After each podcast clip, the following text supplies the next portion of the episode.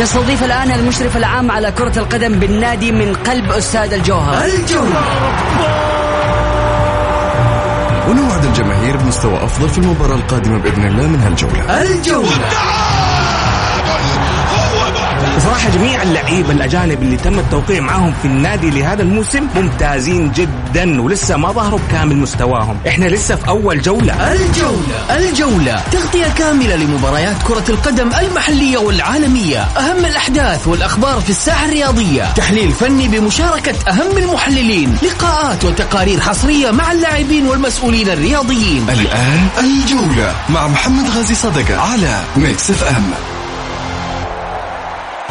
هذه الساعة برعاية Castrol GTX. لا يمكن إيقاف مسببات ترسبات المحرك ولكن يمكن التغلب عليها مع حماية ثلاثية القوة من Castrol GTX.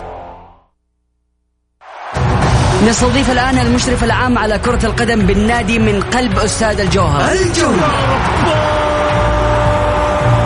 ونوعد الجماهير بمستوى أفضل في المباراة القادمة بإذن الله من هالجولة. الجولة. بصراحة جميع اللعيبة الأجانب اللي تم التوقيع معهم في النادي لهذا الموسم ممتازين جدا ولسه ما ظهروا بكامل مستواهم. إحنا لسه في أول جولة. الجولة الجولة. تغطية كاملة لمباريات كرة القدم المحلية والعالمية. أهم الأحداث والأخبار في الساحة الرياضية. تحليل فني بمشاركة أهم المحللين. لقاءات وتقارير حصرية مع اللاعبين والمسؤولين الرياضيين. الآن الجولة مع محمد غازي صدقة على Mix FM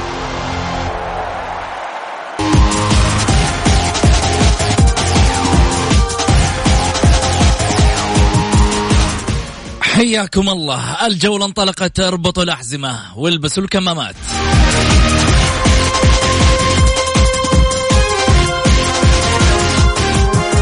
للمشاركة في البرنامج عبر هاشتاج الجولة في تويتر وكذلك أيضا عبر الواتساب على صفر خمسة أربعة ثمانية, ثمانية واحد, واحد سبعة صفر صفر.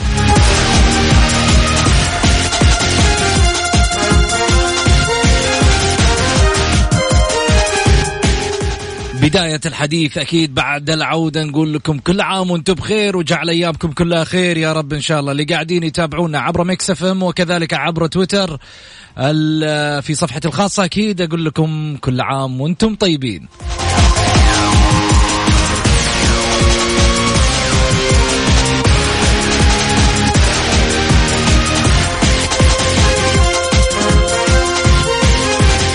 حديثنا الليلة برفقة الإعلاميان الإعلام الكويتي المعروف الأستاذ مبارك الوقيان وكذلك أيضا الإعلام السعودي المعروف الأستاذ محمد الحسن.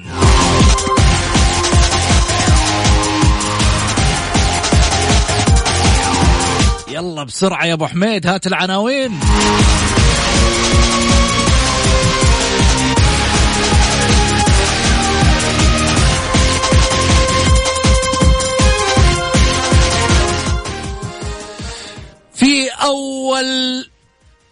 معركة نصراوية هلالية.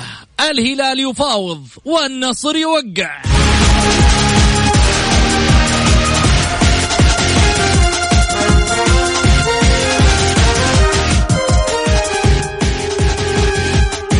وعلى طاولة رئاسة الأهلي ملفات الأجانب السبعة لم ينجح أحد حتى الآن.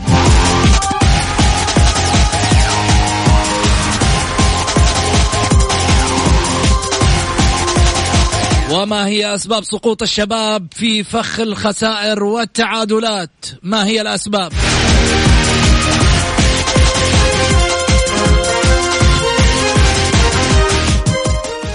حياكم الله. خلينا نبدأ حديثنا ونرحب بضيوفنا الكرام الأستاذ مبارك الوقيان والأستاذ محمد الحسن. أبو فهد مرحبتين وكل عام وأنت بخير. وأنتم بخير صحة وسلامة وعيدكم مبارك وجعل ايامكم دائما يا رب تكون سعيدة. وزاهرة بالأفراح باذن الله واحيي أخوي العزيز كذلك محمد الحسن وجميع الأخوة المستمعين الكرام عبر هذا البرنامج المميز دائما وجودكم أخوي محمد وجود جميع الأخوة الزملاء معنا في هذا البرنامج. يا هلا وسهلا نورت والله أبو فهد واليوم طبعا بدت الرحلات الدولية تشتغل عاد مالك حجه أبو فهد ها نبغى نشوفك. والله أتمنى ذلك يعني حقيقة. إن شاء الله بإذن الله تعالى قريب إن شاء الله. متى ما الأمور عندنا بس إحنا المشكلة صار في عندنا إحنا عندنا الكويت عمليه الخروج بري فيبي له شوية وقت إن شاء الله. بس إن شاء الله على البال. يا رب إن شاء الله على خير. نلتقي يا رب باذن واحد أحد. آمين يا رب. أرحب معاي أيضا بالاعلامي الرياضي الأستاذ محمد الحسن. أهلا وسهلا فيك أبو حميد. يا هلا والله أبو سعود. حتى أنت من الحسن. أبغاك تجي كمان. أكيد. في اي وقت حاضرين عزيزي وأخوي. سعود أول شيء احييك وأحيي أيضا أخوي العزيز الغالي مبارك الغيان آه، برنامج وعودة حميدة بعد إجازة عيد الفطر المبارك والعشر الأواخر من رمضان. وفي البداية اهنئكم بعيد الفطر المبارك. عاده الله علينا وعليكم باليمن والبركات. وعودة حميدة بمشيئه الله. ونتمنى أن نقدم ما يروق لذائقة المستمعين والمستمعات. بإذن الله. آه خليني أبدأ مباشرة في حديثي عن آه صفقة تاليسكا. تاليسكا أول خطوة من البرازيلي الذي كان يفاوض من قبل الهلاليين فجأة سمعنا بوم النصر وقع. إيش القصة؟ هو إيش اللي قاعد يصير؟ مع المستشار أيضا تركي آل الشيخ طلع وصرح في آه، بعض التفاصيل عن آه، يعني آه، اللاعب أو الحديث عن اللاعب نفسه. والهلاليين كمان قالوا خلصنا خلاص واللاعب قريب من البيت الهلالي. فجأة النصر يوقع. هنا صفقة تغير مسارها. هنا صفقة حديث طويل عليها. يعني في أشياء صارت غريبة في في هذه الصفقة. محمد. عزيزي سعود في البداية لابد أن آه، نقول إن فعلا اللاعب كبير ومكسب للدوري السعودي ومكسب لنادي النصر، لاعب كبير قيمته المالية السوقية أيضا عالية. لعب في الدوري الصيني والدوري التركي والبرتغالي وحصل أيضا على الدوري الصيني والتركي والدوري البرتقالي والكاس البرتغالي. آه، صنع وسجل. آه، بكل أمانة نهنئ نادي النصر على هذه الصفقة ولكن خليني آخذ الموضوع هذا بالم- ب- ب- بمحور آخر. خرجت هناك أنباء صحفية سابقة وأيضا في ال social media بأن نادي الهلال اقترب من هذا اللاعب سواء من وسائل إعلامية رسمية صحفية أو إلكترونية أو حتى إعلام آه، كمصدر كمصدرية في هذا الخبر. وخرجت إدارة نادي الهلال وقالت بأن هذه الأخبار غير دقيقة ولكن لم تنفي. هنا أنا أطالب الآن وفي الوقت الحالي إدارة نادي الهلال بخروج بيان رسمي أما أن تنفي أن يكون هناك في مفاوضات مع هذا اللاعب أو أن تقول بانه كانت هناك مفاوضات وللأسف فشلنا واستطاع النصر خلال 24 ساعة إلى 72 ساعة أو أقل أو أكثر من دفع الشرط الجزائي للفريق الصيني وابرام هذه الصفقة. وإن صح هذا الأمر بأن إدارة نادي الهلال فشلت في ابرام هذه الصفقة فلا جديد. سبق في هذا الجانب كثيرة والآن هذا اللاعب. للأسف عند وجهة نظري عندما يدار نادي الهلال بشخصية تجارية آه، هدفها الرئيسي الربح التجاري ومقوماته عدم الاستعجال في الربح. بال- بالتأكيد سيكون نتيجة طبيعية خسران بعض الصفقات. هنا للأسف الشديد أرجع وأؤكد لابد أن يكون خروج بيان رسمي من نادي الهلال لسببين.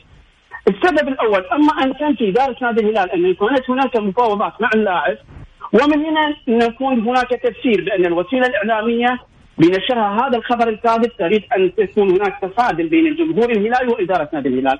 أو تقر إدارة الهلال بأنها فشلت.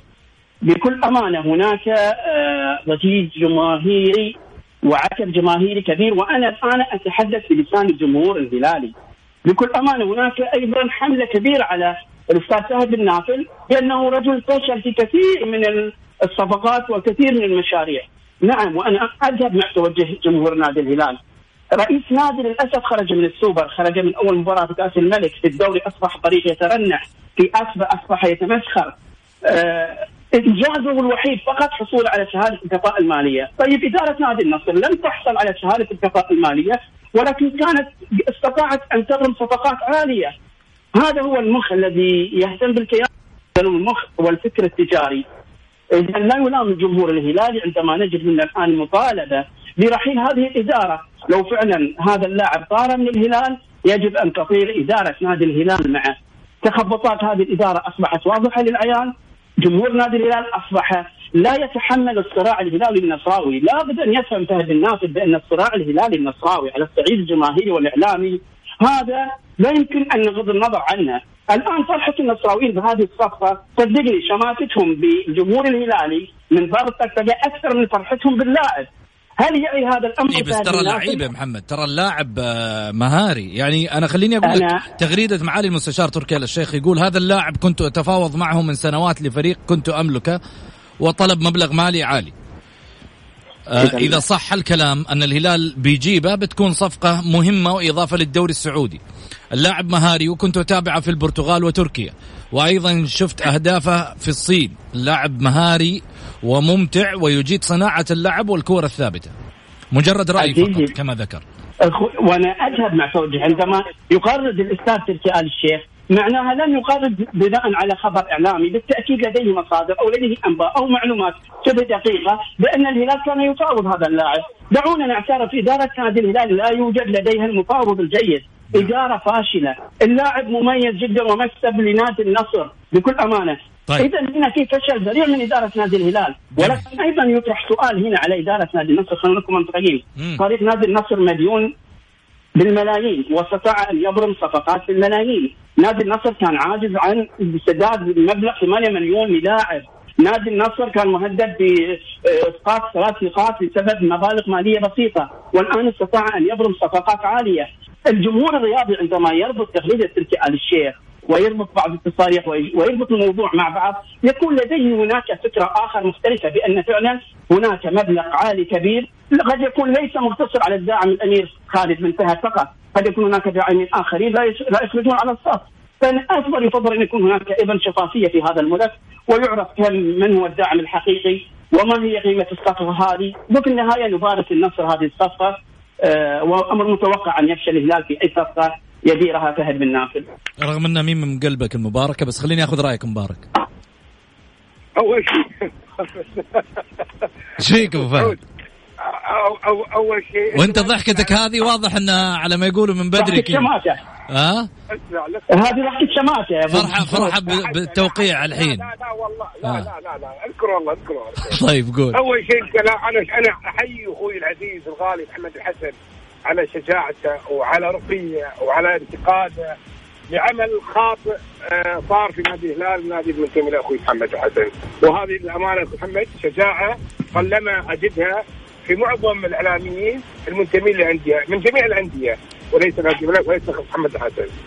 كان كلامه جميل جدا الامانه ورائع جدا وبالفعل شخص الحاله اللي يعاني منها نادي الهلال خلال الفترة الماضية. ولكن أنا أقول إن أنا فيما يخص هذه الصفقة ال- العالمية الكبيرة اللي ابرم نادي النصر مع تنسكا أنا أعتقد إن هذه ضربة معلم بس مو أعتقد إلا إلا اؤكد انها ضربة معلم. ولكن أنا أرجع إلى موضوع إن اللاعب اللاعب. يعني إحنا لما جبنا أحمد موسى قبل موسمين. أحمد موسى أبدع في كأس العالم سجل أهداف في كأس العالم لأكبر بطولة. أنا لا اقلل من شأن اللاعب ولا ولا اني يعني متشائم لا بالعكس. أنا متفائل إن شاء الله في ظل إدارة جديدة في ظل وجود هذا المدرب المطبوخ البرازيلي اللي إن شاء الله بإذن الله تعالى راح يخلقون التوليفة المناسبة. لتحقيق النصر ما يصبو إليه إيه مستقبلا إن شاء الله. ولكن أنا أتمنى. حقيقة أتمنى من جماهير نادي النصر وبشكل خاص والجماهير ال- ال- السعودية بشكل عام ألا يستعجلوا في الحكم على اللاعب مع نادي النصر. خليه خليه يجي. يأدي مباراة مرتين ثلاثة. نشوف السواء في الملعب وليس كما شاهدنا خلال الفترة السابقة عندما كان يلعب الدوري البرتغالي والصيني. أنا دائما هذا كلامي وأنا إنسان واقعي يا محمد. نحن من أوكي صفقة عالمية. ضربة معلم. يعني نقول آه، مقارنة بالاسم الكبير بالمستوى اللي شفناه هذا اللاعب خلال الدوري البرتغالي والدوري الصيني. ولكن لا ينبغي أن نستعجل في الحكم. خليه يؤدي الدور اللي عليه أول ومن ثم إن شاء الله وإن شاء الله طبعا إحنا متفائلين متفائلين انه يقدم مستوى. ولكن لا نتسرع في الحكم. نستنى شوية ونشوف. ولكن محمد أنا أرجع لك مرة ثانية وأقول لك أنت فيما يخص الكلام اللي انت ذكرته قبل شوي انه تساءلت ومجرد كان تساؤل منك عن حقيقة الأموال نادي النصر وقيمة الصفقة المالية. محمد أخوي أنا بقول لك شغلة مهمة جدا. إنه إنه ما يجب على على, الأندية أن تعلن عن القيمه الحقيقية لاي وهذا من حقها طبعا قانونيا من حقها. عن أي قيمة مالية في التوقيع مع أي لاعب.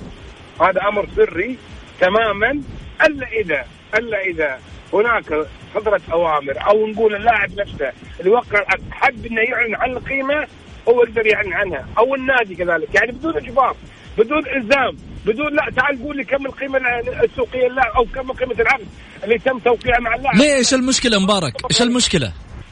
لا يا محمد في أمور محمد تدري إن في أمور خاصة أنت مع يا أخي. اليوم اللاعب اليوم نيمار معروف سعره اليوم آه، آه، كافاني معروف سعره اليوم آه، كريستيانو رونالدو معروف سعره إيش المشكلة؟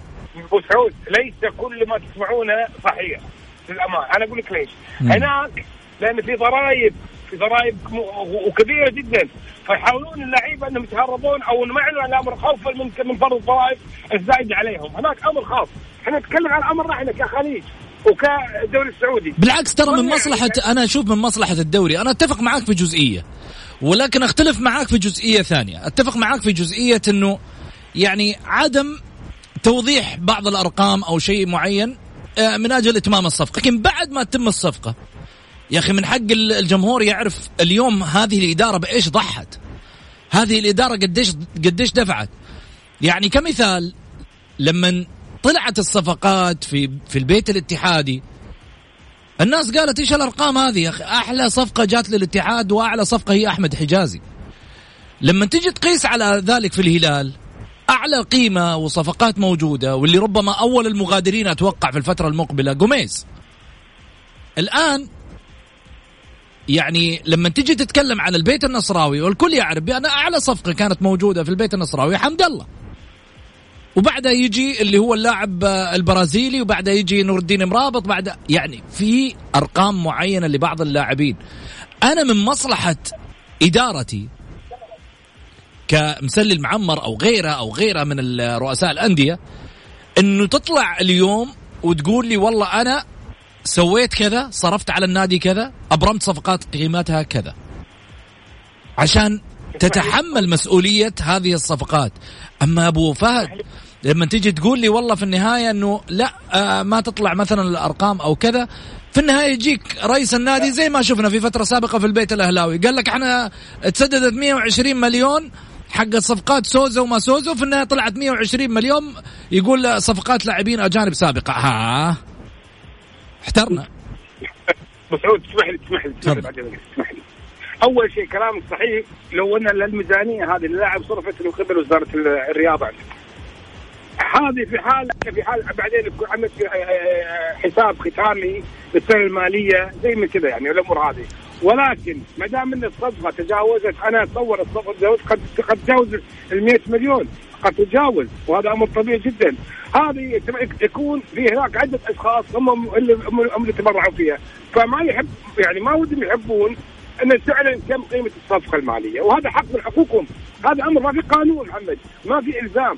أنا متى ما اعلنت أعلنت لأن المبلغ اللي مرصود لهذا اللاعب ما يكون من قبل وزارة الرياضة. يكون مبلغ خارجي من قبل قد يكون أعضاء شرف قد يكون رئيس هيئة أعضاء شرف سمو الامير خالد خالد بن فهد قد يكون أشخاص آخرين كذلك. وهذا أمر بالعكس أنا أشوف أن هذا هو شفافية التعامل انك انت ما دام انت اهم شيء تبون جمهور يا جمهور يا يا ناس تبون هاللاعب الزين جيب لكم اللاعب الزين. بغض النظر عن الأخبار اللي طلعت من قبل بعض المواقع الإلكترونية وبعض الأشخاص المنتمين للهلال ولكن في النهاية اللاعب مع العرض المالي أفضل طبعا. والناس والناس مقدم العرض المالي. اللاعب لا لا لا اللاعب كمان. اللاعب ترى قيمة عالية في الدوري معليش هي طبيعي.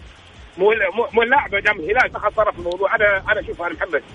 رغم نصراويتي إلا أنا أنا أنا أشيد بخطوات نادي الهلال في التعاقد مع اللاعبين الأجانب للأمانة. بالفعل يعرف يختار لاعبين أجانب كويسين. وما دام حط عين على اللاعب هذا فتأكد ان إن هذا اللاعب مميز. وهذه حقيقة لا يمكن يعني. نعم. محمد. اسمح تفضل. لي اني أختلف مع طيب أنا ابغاك. أنا أبغاك تختلف معاه بس بعد الفاصل. خليك معاي. بعد الفاصل بك. ونرجع ثاني مرة في حديثنا. خليكم معي الجولة مع محمد غازي صدقة على Mix FM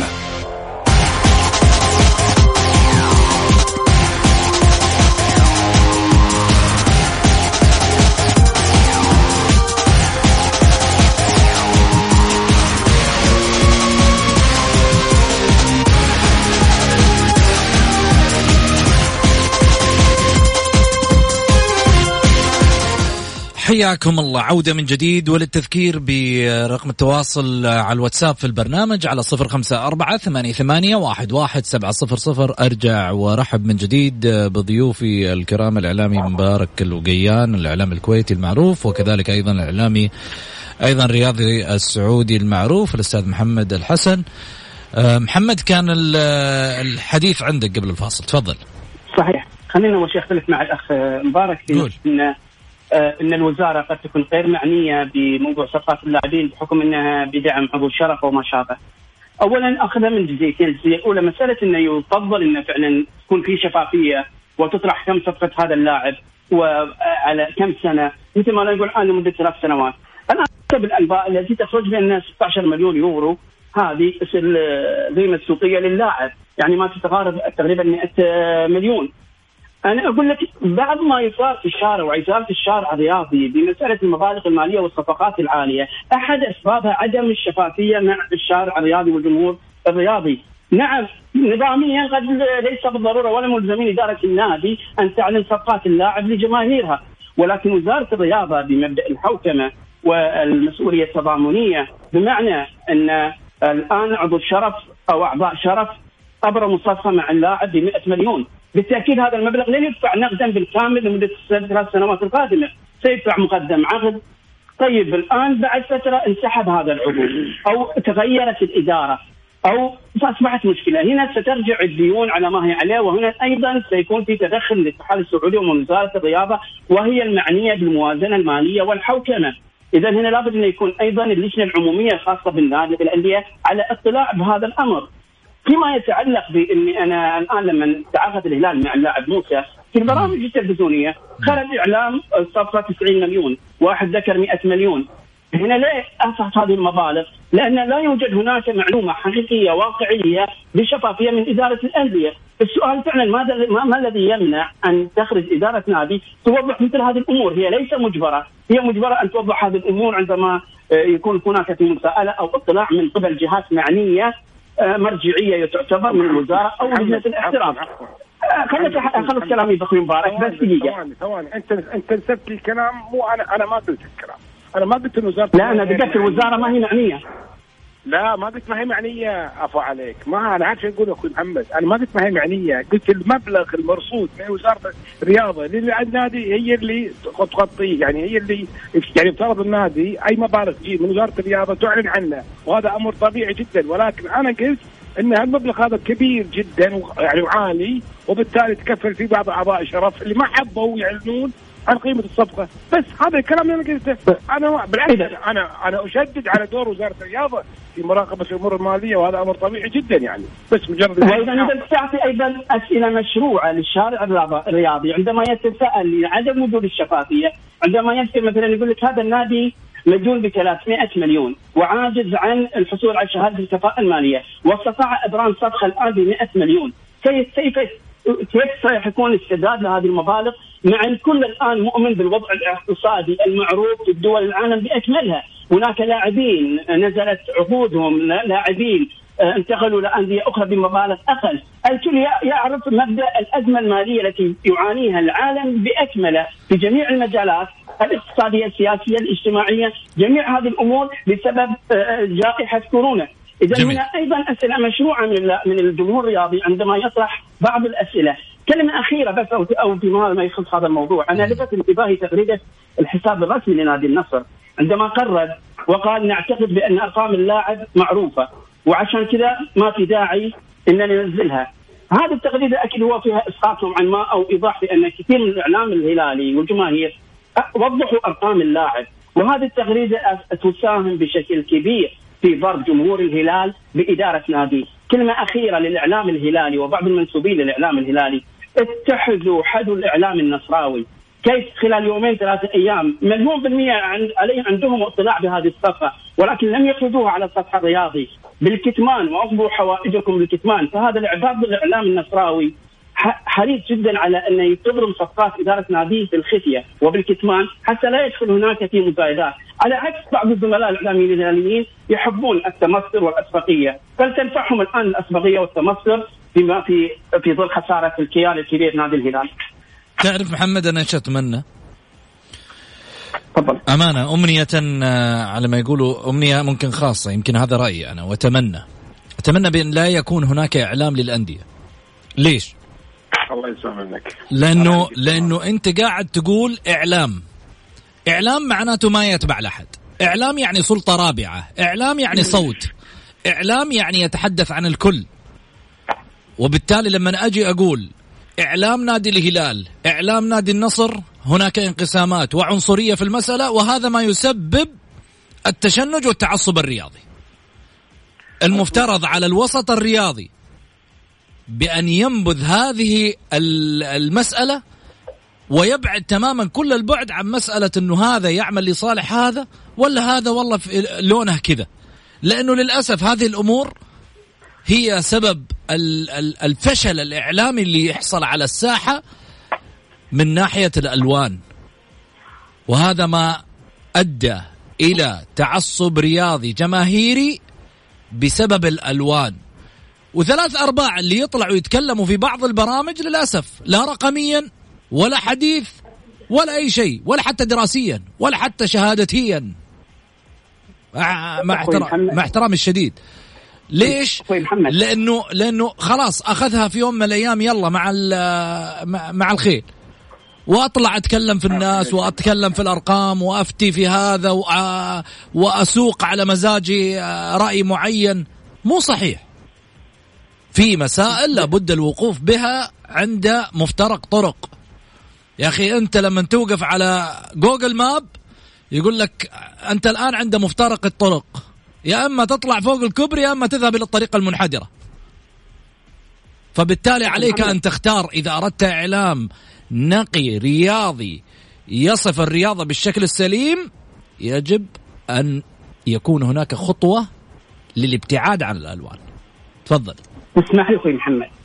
تفضل تفضل أبو سعود اتفق معك تماما فيما ذكرت. وتماما تماما. وأنا أذهب لهذا الجانب فعلا ان الإعلام هو الصفه الرابعه ولكن عندما يكون هناك إعلامي لديه علم بصفقه معينة تتبع نادي وتكتم عليها من أجل مصلحة نادي. هذا لن ينقص منه حاجة أمر تماما. ماذا ينقص الإعلامي؟ اعتقد وجهة نظري. عندما يكون مطبل وعندما يجد هناك خلل وأخطاء وديون ومشاكل في ناديه ويغض النظر عنها ويهتم بالشأن وإدارة النادي الآخر. الإعلامي الذي ينسو إلى حد نشر المعلومات المغلوطه والخاطئة. هذا الإعلام الذي ظاهر لدينا في الشارع الرياضي في المشهد الإعلامي، بينما الإعلام الذي يتكتم على خبر معين تخص نادي لا أعتقد ان يقلل من الاعلامي في الأمر شيء ولكن ما يلاحظ الآن كثير من الإعلام وعلى وجه السؤال بعض الإعلام محسوب على نادي النصر. على سبيل المثال لا نجد منهم إلا القله انتقاد إدارة نادي بل بالعكس على رغم الأخطاء والكوارث التي تحدث من أخطاء إدارية نجد هناك المديح والثناء وهذا لاحظناه في إدارة سابقة في الإدارات السابقة لنادي النصر. هنا الإعلامي دوره هو الانتقاد الهادف وليس من أجل الانتقاد وعندما يكون لن يصبح لن يصبح لن يصبح هناك انتقاد هادف. طول ما في إعلام يتبع الأندية لن يكون هناك آه انتقاد هادف. خذها مني. آه أبو فهد عندك تعليق معين في في الجانب اللي ذكره محمد؟ لا محمد أنا ما عندي أي تعليق ولكن أنا يعني أنا ايد كلامك اللي أنت ذكرت تحديدا. وإذا تتذكر هذا كلامي كان في خلاف محل خلاف كبير جدا ما بين بين احد الزملاء اللي كانوا متواجدين معنا في في, في البرنامج واللي واللي طلع منه ونتمنى له إن شاء الله كل توفيق ونجاح في حياته وأنت تذكر الاسم كويس. ولكن أنا يعني تقصد الزميل خالد دماك؟ نعم باحترامي طبعا أخوي خالد. مسي عليه ترى على فكرة آه، الين الين البارح كان على تواصل وللأمانة يعني كان مشتاق لك كثير. والله أنا مشتاق لك كثير بعد والله. ولكن أنا دائما وإذا تذكر محمد لما كنت أقول له أقول له يا خالد أنت رجل إعلامي إعلامي ليش الكلام اللي ذكرته الآن؟ تخلصوا شوي من ميولكم أوكي إحنا نشجع خاصة لما لما لما لما في الشأن المحلي عندكم، أما أنا في الشأن الكويتي وانتمي نادي النصر فأنا من طبيعي أن أنا أعلن عن انتماء نادي النصر وهذا أمر طبيعي أنا خارج. جميل. انتمي نادي برشلونة أحب برشلونة أحب نادي مو عيب مو عيب بالعكس ميول أرسنال إي عرفت كيف؟ ميول انت كلامك يعني في محله و... وان شاء الله يعني لا بس على فكرة ترى الأخ محمد الحسن ترى من الشخصيات اللي الإعلاميين النادرين للأمانة. والله ما أقول تماما إنسان متزن وعاقل ولا هو متعصب نفس بقية الإخوة الإعلاميين الاخرين مجرد شهاده فيها أخوي مبارك. ها؟ وين افطر شلون؟ لا. بيفطر يقول تخليني أفطر ولا شلون؟ بخليك تفطر. بخليك تفطر بناخذ فاصل مع الأذان. والله يتقبل إن شاء الله يا مبارك. بس خليني أقول ماجد لامي زميلنا آه، أرسل رسالة على البث المباشر. يقول في تويتر يقول يجب على الهلال وجمهور الهلال أن يتقبلوا وجود أندية أندية تنافسة وخسارة لاعب لمنافس ليست نهاية المطاف. إيش تعليقك آه، آه، مبارك؟ كلامه جميل. وهو وهذه الحقيقة بالفعل يعني. جميل. يجب أن الهلال الآن يتعود انه أنه يعني مو بس هو اللي قاعد يشتغل في غيره كمان قاعد يشتغلون. قاعد يعملون من من أجل انديتهم من أجل طيب. أفضل اللاعبين وهذا أمر طبيعي وهذا هو السوق العالمي ترى بشكل عام يعني. وليس السعوديه بس يعني. جميل. محمد إيش رأيك؟ يتفق معه هذا. لابد أن يؤمن الهلال أن هناك في أندية منافسة ولكن تتغير الفكر والنظرة المالية. فأنت نادي الهلال تنظر إلى المستقبل إنه ما يكون عندك ديون. نادي آخر ينافسك في صفقات عالية ولا يهتم إن كان هناك في ديون أو ما يكون ديون. يحب أن يرضي جماهيره. فهنا تختلف الفكر ويختلف السياسة وفي النهاية الاختلاف في والدخول في منافسة على اللاعبين أمر مشروع وموجود في جميع أندية العالم. خلينا نروح لفاصل قصير للأذان ونرجع ثاني مرة في الحديث خليكم معنا. جولة مع محمد غازي صدقة على Mix FM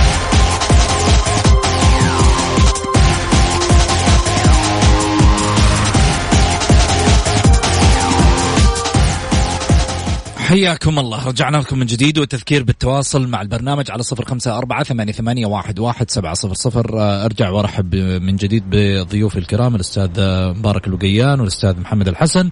خليني أرجع في حديثي عن آه، السبعة أجانب في الأهلي. حتى الآن لم ينجح أحد وربما على طاولة ماجد النفيعي هناك صفقات ستبرم قريبا. كما سمعنا أن هناك استغناء عن خمسة لاعبين وصفقات قادمة. إيش رأيك في آه، في الأجانب اللي موجودين في الأهلي آه، مبارك؟ محمد أنا لو لو رجع الامر لي أقول لك شكرا مع السلامة كلهم؟ كلهم الأهلي بحاجة إلى تجديد الدماء كي يعود النادي الملكي إلى ما كان عليه بمن فيهم السومة؟ حتى السومة مم. حتى السومة معلش معلش السومه وش قدم لي هذا الموسم. بتقول تأثر في مستوى انخفاض الفريق؟ لا. اللاعب المميز كذلك يظل لاعب مميز في النهاية ويكون له بروز يعني ويكون له دور كبير في الموضوع. أما آه، ال- التعامل مش باحترافيه للأسف الشديد يعني. التعامل ما كان باحترافيه لا لا من اداره النادي الأهلي ولا من اللاعبين وبالتالي يجب إن متى ما اراد الأهلي أن يعدل أو يرجع كالنادي الملكي اللي نعرفه يجب عليه أن يبدأ من جديد ويغير الاسماء كلها ويستقطب لاعبين ذو قيمة فنية عالية جدا بالاضافه إلى بعض اللاعبين السعوديين اللي يقدر إنه يستقطبهم بسد الفراغ أو سد العجز في الأماكن اللي هو قاعد يعاني منها حاليا، أما عدا ذلك فأنا أقول الأهلي سيستمر في نفس المعاناة ولا يحدث شيء جديد حيث يكون لا جديد يذكر ولا قديم يعاد. جميل. محمد؟ أتفق تماما مع الاخ مبارك فعلا وفي كل مرة يتم الحديث فيها عن النادي الأهلي تكون لدي وجهة نظر معينة لا أغيرها. المشكلة في الاهلي في شيئين الأدوات وعدم وجود شخص كبير يكون حرصه بالأول والأخير على الكيان. لو تواجدوا هذا الأمرين لوجدنا ال- الاهلي يرجع لمستواه الفعلي والحقيقي. جميع الأجانب في نادي الأهلي ومن ضمنهم عمر السومة وجهة نظري الأهلي أكبر منهم ويحتاج إلى تغيير.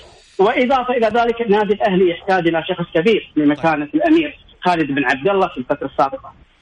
جميل. محمد الحسن. الأستاذ آه، أيضا كذلك أيضا آه، مبارك الوقيان. الأستاذ محمد الحسن أنا أشكركم جزيل الشكر. كل عام وأنتم بخير. حلقة أولى بعد العودة. نتمنى إن شاء الله بإذن الله لنا التوفيق في آه، بقية الموسم. شكرا لك مبارك. إن شاء الله. شكرا شكرا. شكرا لك محمد. شكرا يا أبو سعود. يا هلا مرحبا. وصلنا طبعا لختام حلقتنا. أقول لكم كل عام وأنتم بخير وأخليكم الحين مع البرنسيسة غدير الشهري.